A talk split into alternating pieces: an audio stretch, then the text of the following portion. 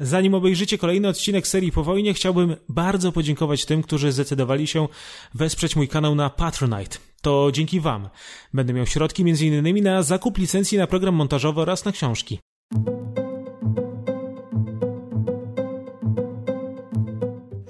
Wybierając się do kina, zazwyczaj mamy do wyboru przede wszystkim amerykańskie filmy. Z roku na rok jest też coraz więcej polskich produkcji, również tych lepszych, co bardzo cieszy.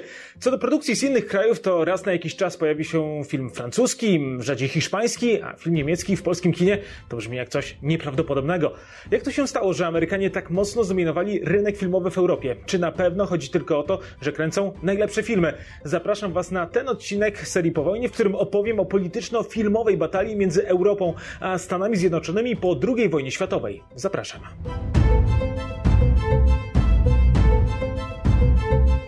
To była złota era kina. W 1946 roku w 5 tysiącach brytyjskich kin sprzedano łącznie miliard 700 milionów biletów. Do kina chodził w tygodniu co trzeci Brytyjczyk.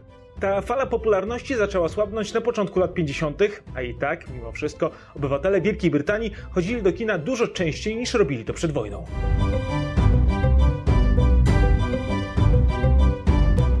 Tymczasem na kontynencie wyglądało to zgoła inaczej. Podczas gdy Brytyjczycy zaczęli rzadziej pojawiać się w kinie, we Francji tylko w pierwszej połowie lat 50. zainteresowanie filmem było tak duże, że otwarto tam tysiąc nowych kin.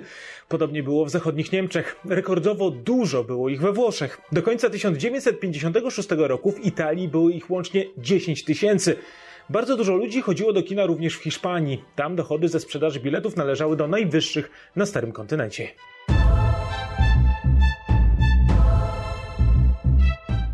Po wojnie nastąpił boom na kino amerykańskie i nie ma się czemu dziwić. Naziści zabronili podczas wojny oglądania większości produkcji zrobionych w USA.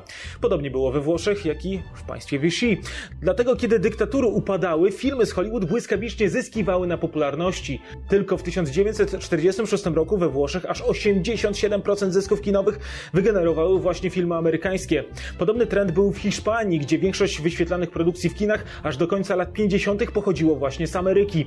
Stany Zjednoczone zdominowały kina również we Francji. W 1947 roku francuskie wytwórnie wyprodukowały 40 filmów. W tym samym czasie 340 filmów sprowadzono z USA.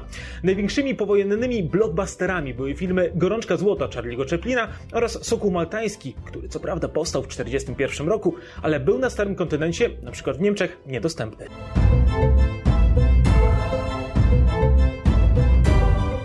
Ale nie zawsze Waszyngton był zadowolony z faktu, że amerykańskie kino cieszy się tak dużą popularnością na starym kontynencie. Amerykańskie władze domagały się wstrzymania rozpowszechniania we Francji ron gniewu Johna Forda z 1940 roku, ponieważ przedstawiał w niekorzystnym świetle Stany Zjednoczone z okresu wielkiego kryzysu. Administracja Trumana obawiała się, że film mogą wykorzystać francuscy komuniści, dyskredytując amerykańską politykę w Europie.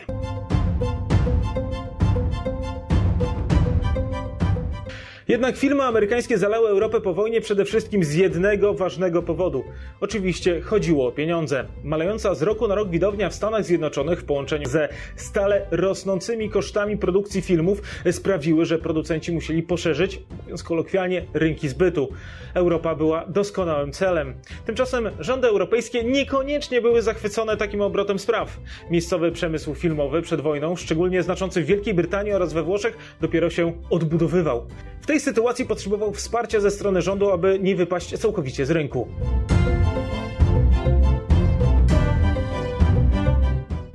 1927 roku brytyjski parlament uchwalił ustawę, na mocy której przez kolejnych 9 lat 20% wszystkich filmów wyświetlanych w kraju e, w ciągu roku musiało być rodzimej produkcji. Po wojnie ta statystyka wynosiła tam do 30%, a we Francji nawet do 50%.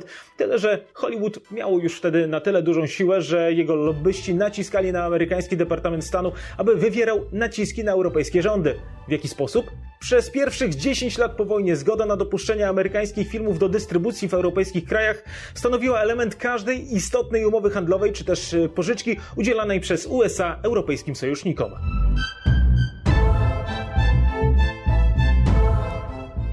Tym sposobem w 1946 roku francuski rząd zgodził się na obniżenie udziału rodzimych produkcji w rynku z 55 na 30% filmów wyświetlanych rocznie we francuskich kinach. Podobnie było w Wielkiej Brytanii. Jedynym, któremu udało się ograniczyć import filmów ze Stanów Zjednoczonych był generał Franco w Hiszpanii.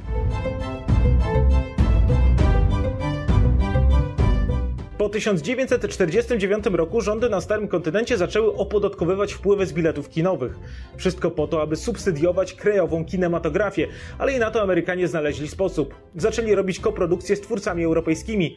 To z kim współpracowali amerykańscy producenci zależało niekiedy od wysokości rządowego wsparcia dla branży filmowej. W 1952 roku około 40% przychodów Hollywood pochodziło z zagranicy. Nieprędko Europejczycy zorientowali się, co się dzieje i dofinansowywali Amerykanów nadal. Pod koniec dekady już połowę przychodów amerykańskiego przemysłu filmowego stanowiły fundusze z Europy.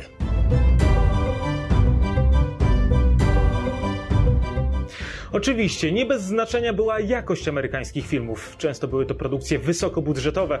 Dużą popularność zyskały pod koniec lat 40. filmy noir.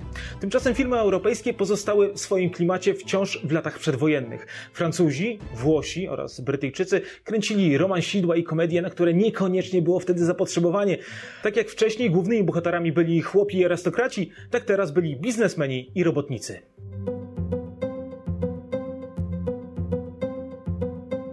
Nie oznacza to jednak, że w kinie europejskim nie było kilku perełek. To właśnie wtedy powstał jeden z najlepszych powojennych filmów w Europie Rzym Miasto Otwarte. Warto też zobaczyć obraz Niemcy rok zerowy. Europa potrzebowała filmów, które szczerze opisują losy jej mieszkańców. Błahe komedyjki nie były w tym czasie w cenie początku lat 50. co czwarta rodzina we Włoszech żyła w ubóstwie. W zachodnich Niemczech aż 17 milionów ludzi nie miało dachu nad głową. Bezdomne rodziny w Wielkiej Brytanii czekały na własne mieszkanie średnio 7 lat. Od lipca 1946 roku przez dwa lata obowiązywały kartki na chleb. Na odzież były aż do 1949 roku. Reglamentacja mięsa w Anglii zakończyła się dopiero w 1954 roku.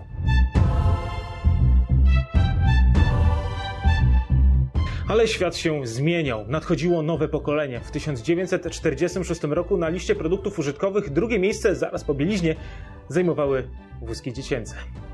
I to by było na tyle, jeśli chodzi o dzisiaj. Dziękuję za uwagę, zachęcam do subskrybowania kanału i do usłyszenia.